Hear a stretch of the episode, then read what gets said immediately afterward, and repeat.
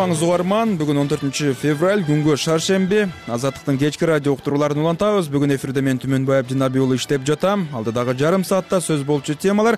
Бажыдагы коррупция боюнча учурунда райымбек матраимов менен кошочу жоопко тартылган. Жогорку кеңештин депутаты абдубахап боронбаев мандатын тапшырды. Ал арада улуттук коопсуздук комитети уюшкан кылмыштуу топко жана алар менен мамилеси болгон деп шектелгендерди кармоону улантууда. Чоо жай түрмөгүндө саясатчы акматбек элдибековдун аларга тиешеси барбы ал азыр кайда деген суроолорго жооп издейбиз.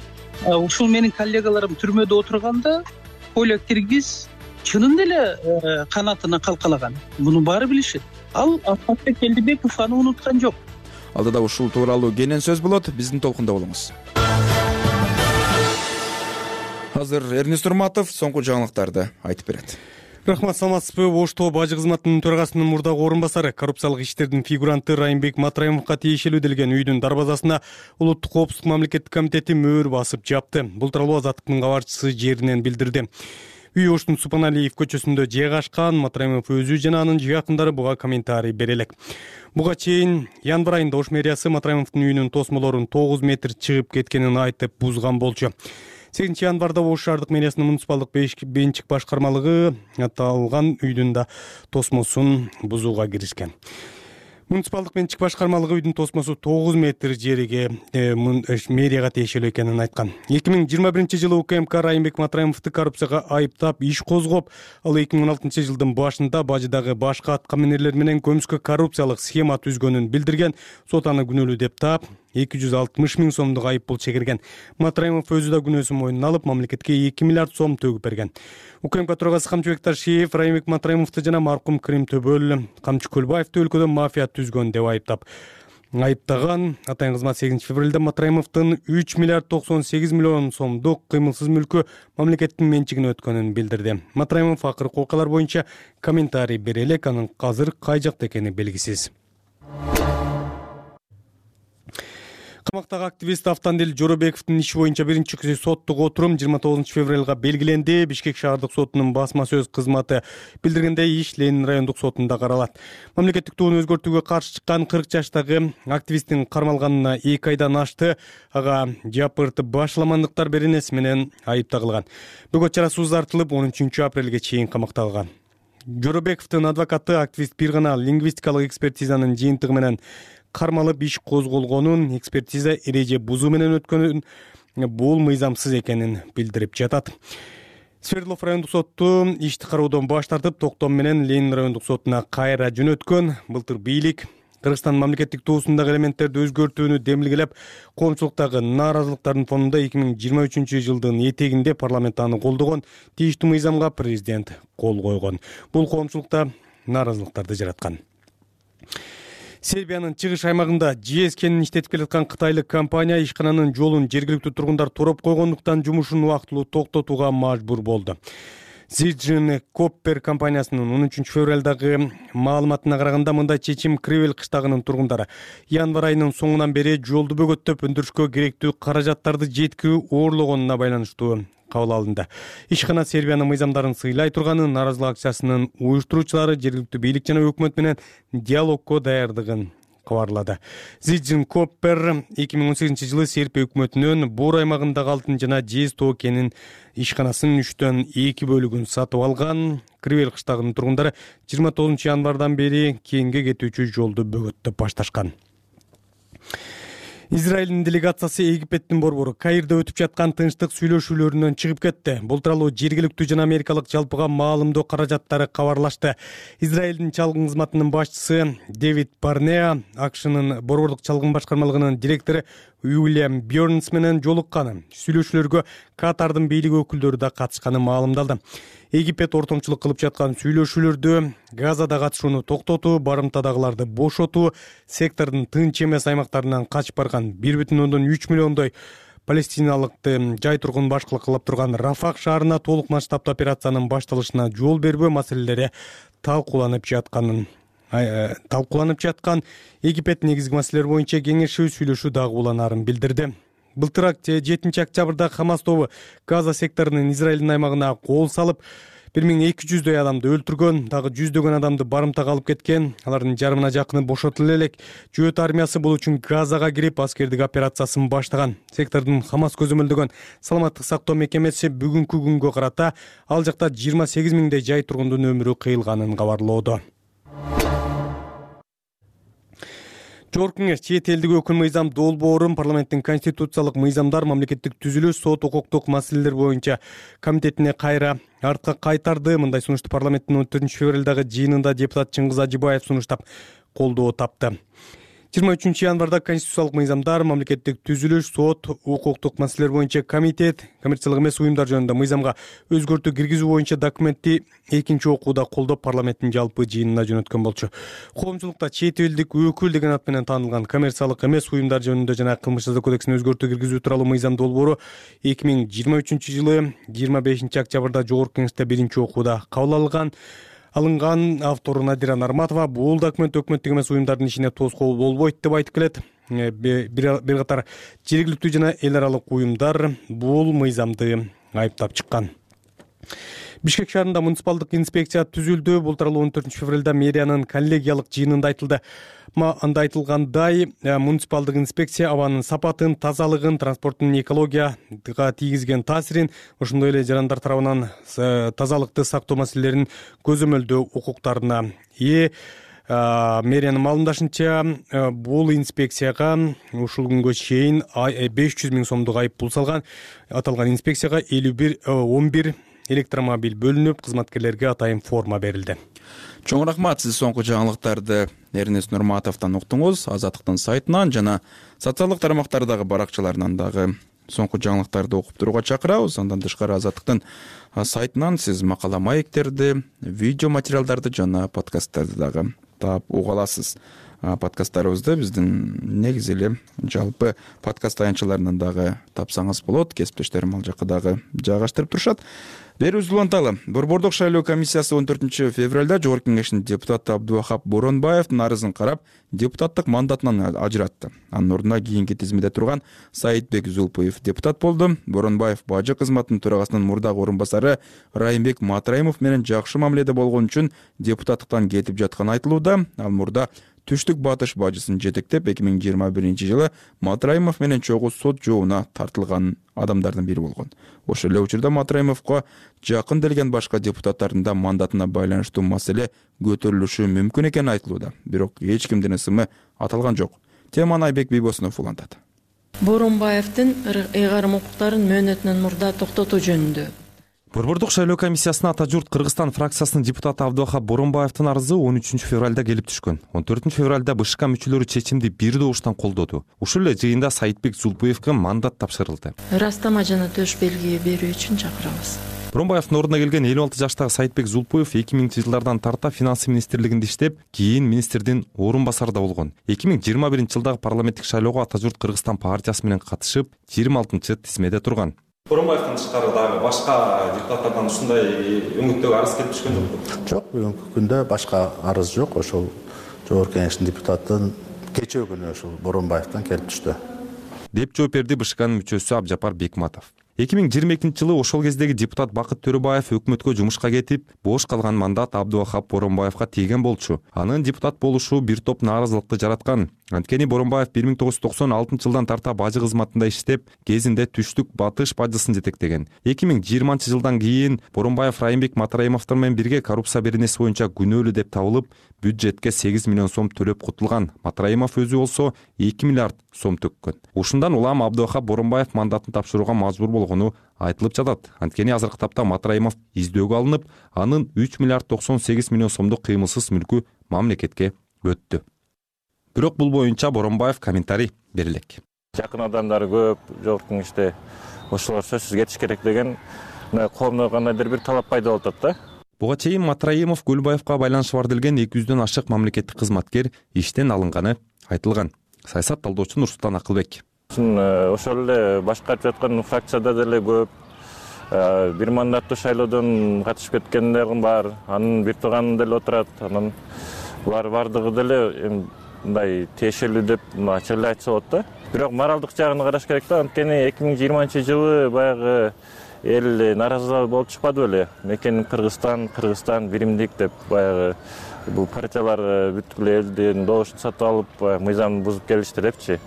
Андан кийин эки миң жыйырма биринчи жылы көбү баягы партияга бийлешпей эле кандайдыр бир саясий басым болбосун деп бир мандаттуу округтардан көбү келип калышкан да ошо жакын эле адамдарчы ошо кланга тиешелүү болобу же кандайдыр бир кылмыштык топко ошону колдогонбу же кандайдыр бир күй арманы болобу азыркы тапта дагы бир катар депутаттын мандатына байланыштуу маселе көтөрүлүшү мүмкүн деген божомолдор бар. Бирок эч кимдин ысымы аталган жок. Укмкнын төрагасы камчыбек ташиев көлбаев матраимов байланышын мафия деп атагандан кийин депутат шайлообек атазовдун тарапташтары делген бир нече адам күч органдарына суракка чакыртылган. Атазов өзү да көрсөтмө берген. Анын экөө шайлоочулардын добуштарын сатып алуу беренеси менен күнөөлүү деп табылып жүз миң сом айыпка жыгылган шайлообек атазов райымбек матраимовду жогорку кеңеште ачык колдоп жүргөн депутаттардын бири. Ал мандат алганга чейин матраимовдорго таандык эрем спорт клубун жетектеген. Биздин тарапташтар эмес биздин тарапташтар экен деген лакаптарды коюп атат бизге тиешеси жок. Менин мандатымды элдер шайлаган элдер чечет да. Маселе жок бизде эки миң жыйырма биринчи жылы райымбек матраимов жана абдывахап боронбаевден тышкары нурлан ражабалиевке да чечим чыккан. Ал дагы күнөөсүн моюндап бюджетке он эки миллион сом төгүп кутулган. Азыркы тапта ражабалиев жогорку кеңеште депутат болуп отурат. Азаттык аны менен байланыша алган жок. Айбек бийбосунов азиз самарбеков азаттык бишкек. Куугунтук курмандыктары. Жазыксыз жерден жайран болгон тагдырлар. Саясий репрессиянын айтылбаган өңүттөрү улут трагедиясын унуттурбаган коомдук эс тутум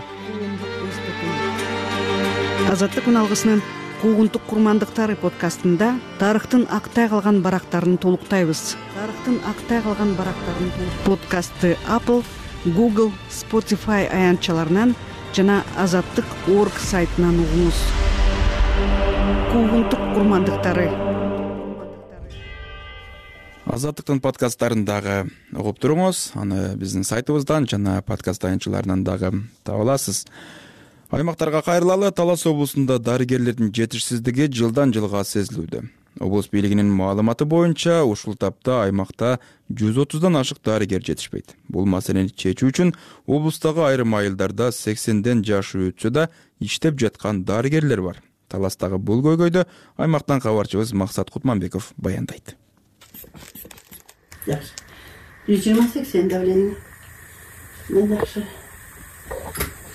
таластагы көпүрө базар айылындагы оорукананын төрөт бөлүмүнүн башкы дарыгери салый акматова сексен эки жашта. Ал элүү сегиз жылдан бери ушул ооруканада иштеп келет. Умерла потом ожила да? Салый акматова айылдык ооруканадагы төрөт бөлүмүндө жалгыз дарыгер. Калганы мед айымдар бул жолу да бейтаптары көп болгондуктан эмгек көргүсүн аягына чыкпай эле жумушка чакыртып алган. Бул болсо биздин төрөт бөлмөсү төрөттөр ушул жактан кабыл алынат. Кене жарык жылуу төрөт бөлмөсү бул биздин төрөт бөлмөсү. Баардык дарылар бар баардык процедуралардын баары ушул жерде аткарылат. Баардыгы жетиштүү аппаратуралардын баары бар. Шаардагыдай эле положенный нерселердин баары облустун борборунан сексен чакырым алыстыкта жайгашкан бул айылдагы оорукананын төрөт бөлүмү мындан жарым кылым мурун түптөлгөн бул төрөтканага көпүрө базар жана коңшу айылдардын келиндери кайрылып турат. Ал ачылгандан бери башкы дарыгерлик милдетти салый акматова аткарып келүүдө. Ордун өткөрүп берүүгө азырынча кадр табыла элек. Айыл жеринен качышат да бизге окшогондор көнүп калганда иштейт да. Жаштар келбей жатпайбы жаштар нехватка врачей вообще везде мне кажется по всему кыргызстану. Айлык аз. Биздин айлыгыбыз аз айлыкты көбөйтсө жакшы мамиле болор эле балким көбөйтсө келер беле подъемник берсе келер беле. Анан кийин айлык аз болупту алдыгын көбөйтсө жакшы болор эле. Азыр вопрос коюлуп атат го эми болобу айлык көбөйбү көбөйбү ким билсин эми аны? Государство билет салый акматованын эсебинде ал он алты миңден ашуун баланы жарык дүйнөгө алып келгенин айтууда. Кыялында анын ордуна татыктуу кадр келсе бошотуп берүүнү үмүт кылууда. Дарыгерлердин жетишсиздиги талас облусунда курч бойдон калууда. Облустук үй бүлөлүк дарыгерлер борборунан билдиришкендей облус боюнча жүз отуздон ашык дарыгер жетишпей жатат. Ал эми учурда жогорку билими бар иштеп жаткан дарыгерлердин кырк эки пайызы пенсия курагындагылар эми көз доктурлар жетишпейт акушер гинекологдор жетишпейт э, детский врачтар жетишпейт педиатр деп коет неонатологдор жетишпейт деги эле көп эле врачтар жетишпейт да ошо жүз отуздун ичинде. Анан үй бүлөлүк медицина дарыгерлери дагы жетишпейт. Э, бул ошого аялгандай курч маселе болуп атат. Азыркы күндө биздин саламаттык сактоо министрлиги тарабынан дагы бизге тапшырмалар берилген. Ошо медициналык академияда канча биздин э, студенттерибиз бар. Анан ошол боюнча дагы биз жер жерлерде жанагы медициналык кеңешмени өткөргөндө ошол жергиликтүү өкмөт менен дагы сүйлөшүп атабыз. Ал жерден кандай жардам бере алат ошол э, биздин студенттерге? Ошолордун жанагындай контракт менен окугандардын контракттарын төлөп береби же болбосо кошумча бир төлөмдөр менен жардам береби себеп дегенде азыркы учурда жети жыл бишкек шаарында окуп билим алыш оорчулукту туудуруп атат да. Ошол учурдан дагы көп эле биздин бүтүрүүчүлөрүбүз мектептин орто мектеп бүтүрүүчүлөрү ушул кесипти тандашпай жатышат деп ойдобуз деди саламаттыкты сактоо министрлигинин талас облусундагы координатору нургүл момбекова момбекованын айтымында аймактагы дарыгерлердин жетишсиздигинин себеби айлык маянанын аздыгы болсо дагы бир чети соңку учурда дарыгерлерге болгон мамиле катаалдашып кеткенин айтууда бул жагдайдан улам абитуриенттер медициналык билим алуудан чочулашууда дейт. Ушул тапта медициналык адистердин жетишсиздигинин айынан облустук ооруканадагы заманбап аппараттарды иштете турган тийиштүү адистер да жок болууда.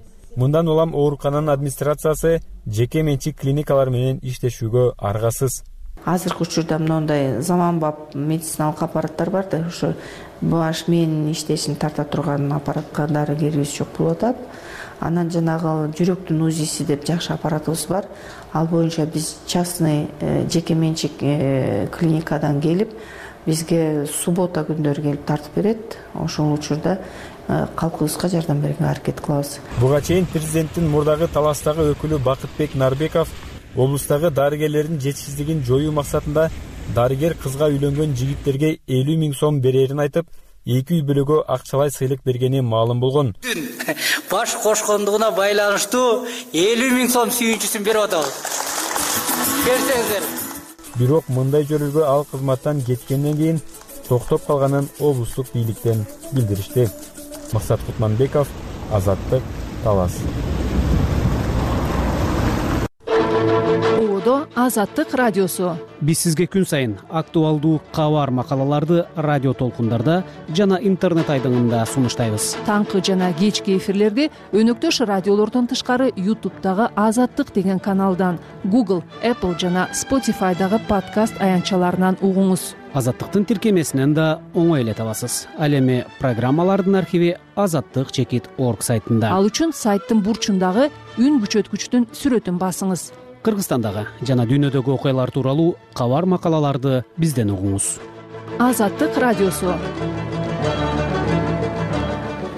Уктуруубузду улантабыз улуттук коопсуздук мамлекеттик комитети атайын операцияда аты өлтүрүлгөн кримтөөлүк камчы көлбаевге байланыштуу чолпон ата шаарынын мурдагы мэри камалганын билдирди. Ал азыркы бийликтин уюшкан кылмыштуулукка каршы күрөштүн алкагында кармалган ондогон адамдын бири болуп калды бул аракеттерден улам кылмыш дүйнөсүнүн лөктөрү менен карым катнашта болгон э, деген мурдагы жана азыркы таасирлүү саясатчыларга байланыштуу суроо жаралды айрыкча жогорку кеңештин экс төрагасы акматбек келдибековдун айланасында суроолор көп.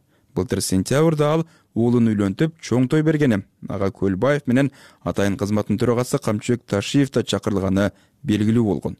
Толугураак чоо жай берүүсүнөн элөнора бейшенбек кызы айтып берет былтыр сентябрда парламенттин мурдагы төрагасы акматбек келдибеков уулун үйлөнтүп бишкектеги кымбат тойкуналардын биринде той өткөргөнү тууралуу маалыматтар чыккан. Ага чакырылган жүздөгөн адамдын арасында кремтөбөл камчыбек көлбаев дагы болгону ал тойго камчыбек ташиев дагы келгени айтылган. Бул тойго жогорку кеңештин мурдагы депутаты жылыскан жолдошова дагы барган.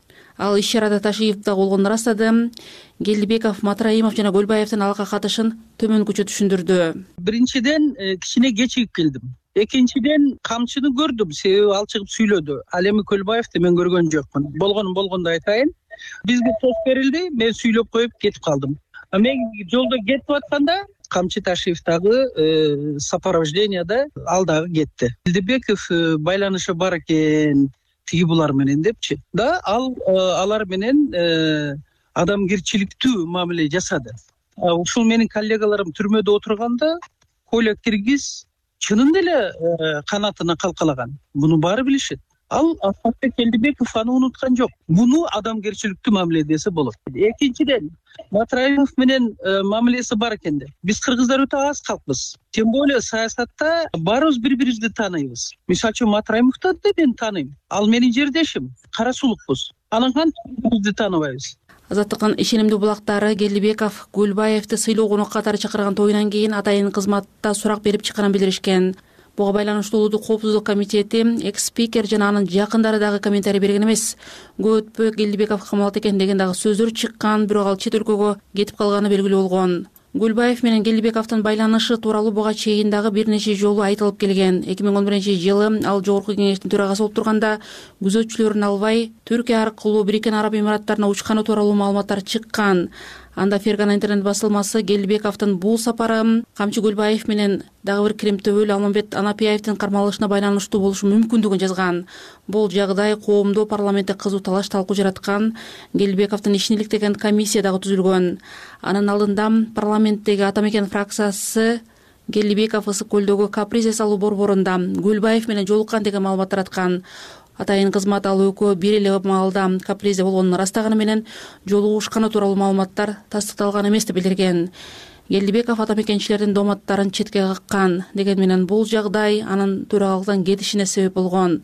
Келдибеков ошол чакырылышта ата журт партиясынын тизмеси менен шайланып келген жана ал тизмеде азыркы президент садыр жапаров менен камчыбек ташиев дагы болгон жогорку кеңештин мурдагы депутаты бейшенбек абдыразаковдун пикиринде ошол иштер аягына чыкпай калган. Эгер көлбаев менен карым катышта болгон саясатчыларга дагы чара көрүлбөсө коомчулукта караларга каршы күрөшкө ишеним азайышы мүмкүн. Текебаев көтөрүлүп чыгып э, келдибек спикердин кеткенин себебини дагы ошол сүрөт болгон да. Э, ана башы менен сүрөткө түшкөн каралардын ана башы менен сүрөткө түшкөн байланышы бар экенин билген тойлорго барган бул эми ал көтөрүп чыгышты бирок анын максаты бир эле болгон да жумуштан кетирүү.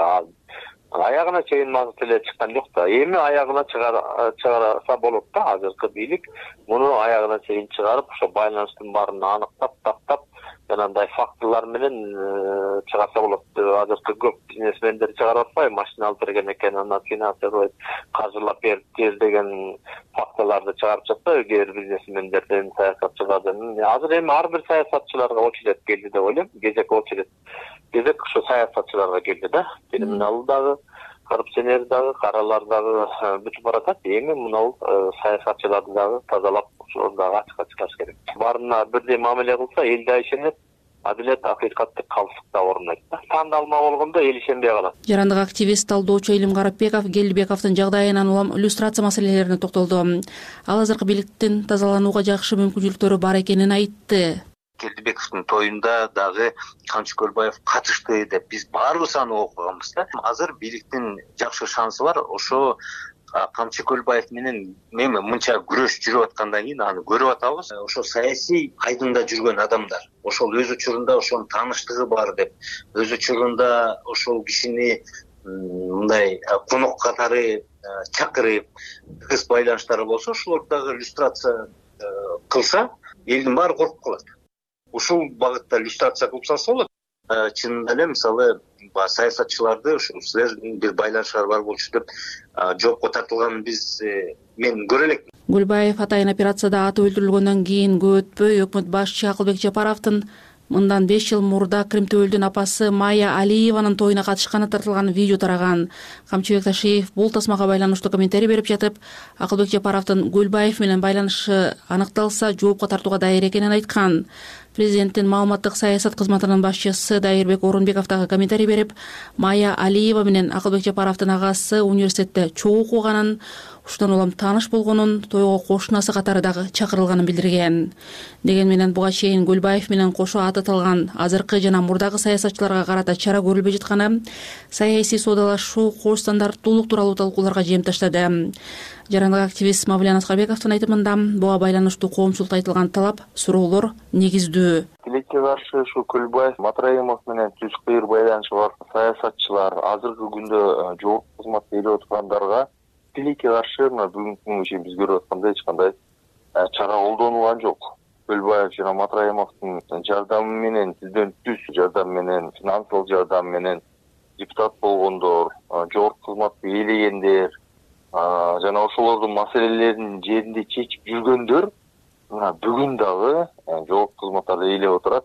Коомчулук тарабынан деле мындай талаптар бар нааразычылыктар бар. Качан деген суроо жана эмнеге чара көрүлбөй жатат деген суроолор бар. Жарандык активист мукай керимбаев келдибековдун жагдайынан улам азыркы бийлик саясий соодалашууга барган деген дооматтарды четке какты ал саясатчыларга дагы кезек жетерине ишенерин айтты. Бул киши убагында чындап өтө таасири чоң болгон да эми бул жашыруун деле эмес. Азыр кайсы саясатчылар менен тыгыз байланышта болуп кимдерди депутат кылган кимдерди чоң кызматтарга койгон акырындап иликтенип уже ачыкка чыгып келет баягы дагы күтө турайлы менимче алдыда байланышта болгон чогуу бизнес кылган кээ бир кылмыш иштерге чогуу барганбы аныкталып иликтелип атпайбы азыр көрүп атабызбы дагы алдыда кичине күтө турсак көп нерселер ачыкка чыгып жакшы жумуштар болот деп мен ишенем да.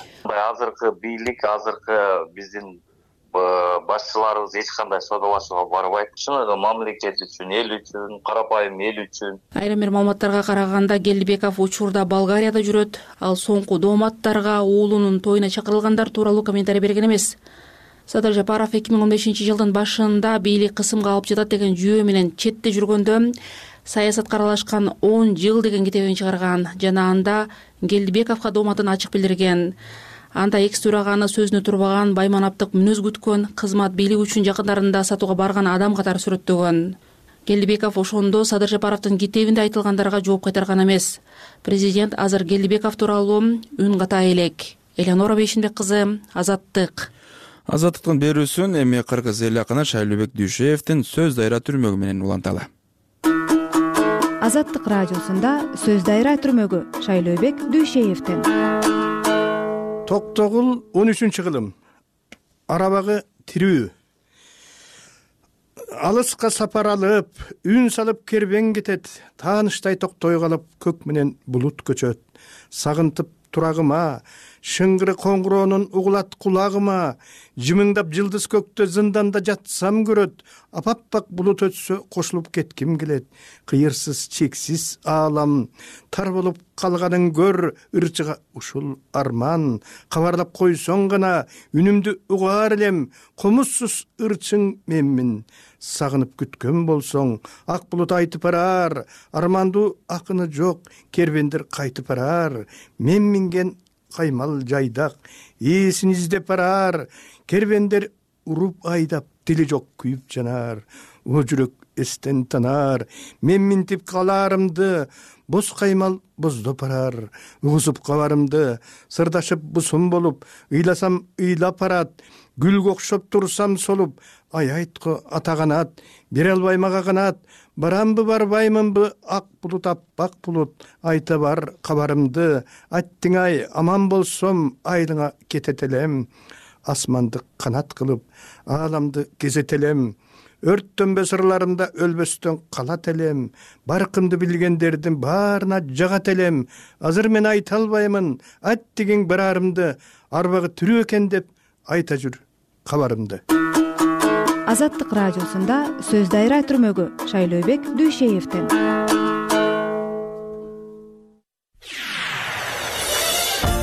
Кыргыз тилинин байлыгы укмуш. Ар бир сөзү алтындан кымбат. Нукура кыргыз тилин күнүмдүк жашоодо аз колдонулуп акырындап жоголуп бараткан сөз жана сөз айкаштарын жайылтууга арналган сөз дайра түрмөгүн угуңуз китеп окубагандыктын айынан эне тилибизди өтө тездик менен бузуп талкалап ойронун чыгарып баратабыз. Сөз дайрада мындан ары эл акыны шайлообек дүйшеев өзү жазган чыгармаларынан жана которгон ырларынан үзүндүлөрдү окуп турат. Тил деген тилчилердики эмес тил деген элдики. Сөз дайра. Урматтуу угарман сөз дайра түрмөгү менен бүгүнкү берүүлөрүбүздү жыйынтыктайбыз. Эфирден кеткен баяндардын макаласын сайтыбыздан окуп туруңуз азаттыктын кечки берүүлөрүн мен түмөнбай абдинаби уулу алып бардым. Жаңылыктарды эрнест нурматов айтып берсе эфирдик пультту максат акматжан уулу башкарды. Кечиңиздер көңүлдүү улансын. Аман туруңуздар